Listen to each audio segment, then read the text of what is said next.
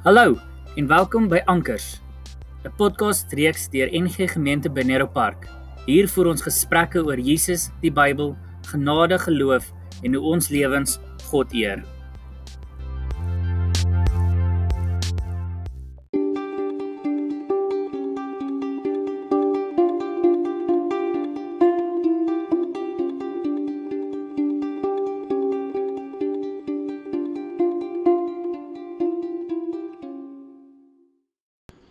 Goeiemôre. Ons is vandag by hoofstuk 13 van 1 Korintiërs. Hoofstuk wat ons almal baie goed ken. Um, ons het al by baie troues selfs hierdie teks gehoor. Maar in wese is dit 'n gedeelte wat Paulus skryf vir die gemeente in Korinte oor hoe hulle teenoor mekaar moet optree.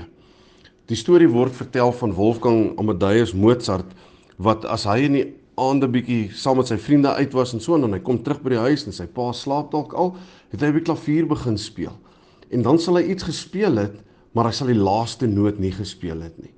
En dit word vertel dat sy pa dan rondgerol het en so aan totdat hy hom myself uit die bed uit getrek het, afgestap het na die klavier toe en daardie laaste noot gespeel het en dan klim hy weer op met die trappe en gaan lê in sy bed en slaap verder.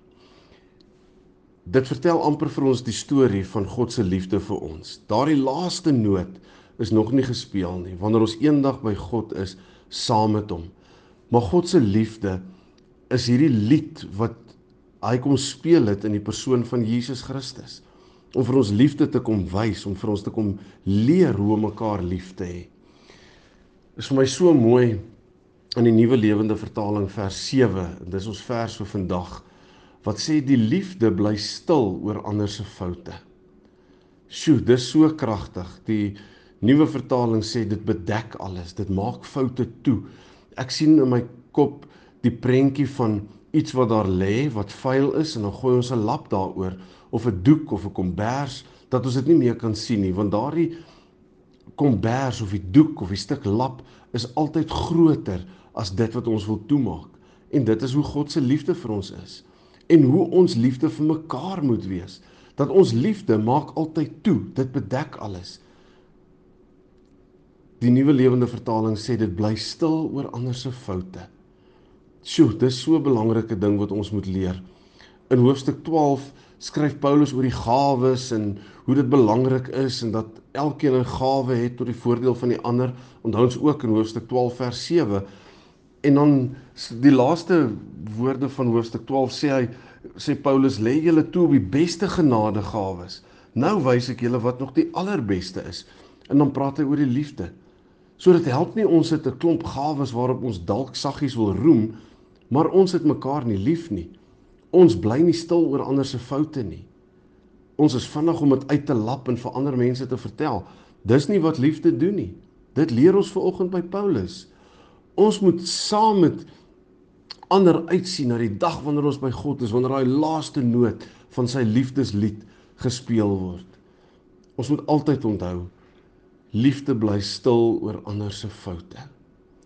Kom ons gee vir onsself daardie onderneming dat ons dit gaan doen.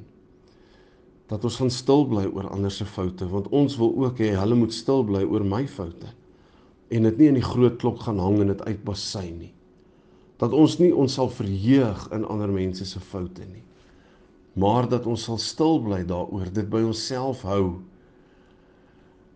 Dat ons dit altyd sal onthou om te sê maar dit gaan hier oor 'n mens.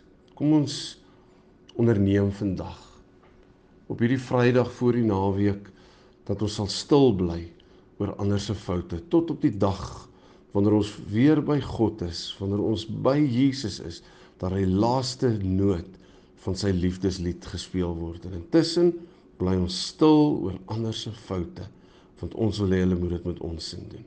Kom ons bid. Hemelse Vader, dankie dat ons vanoggend kan leer oor u liefde, die liefde wat u vir ons het tot so 'n mate dat u u seun gestuur het om vir ons te kom sterf in ons plek vir ons foute, vir ons sondes. Dis hoe lief u ons het. Heilige Gees, herinner ons elke dag daaraan en wys dit vir ons in ons lewens wanneer ons liefdeloos optree teenoor iemand. Wanneer ons iets doen wat mense seermaak en dat ons dit dan sal regmaak. Jammer sal sê dat ons altyd sal onthou daardie eerste reeltjie in vers 7 wat sê die liefde bly stil oor ander se foute. Ek onderneem vandag om dit vir die res van my lewe te doen. Amen.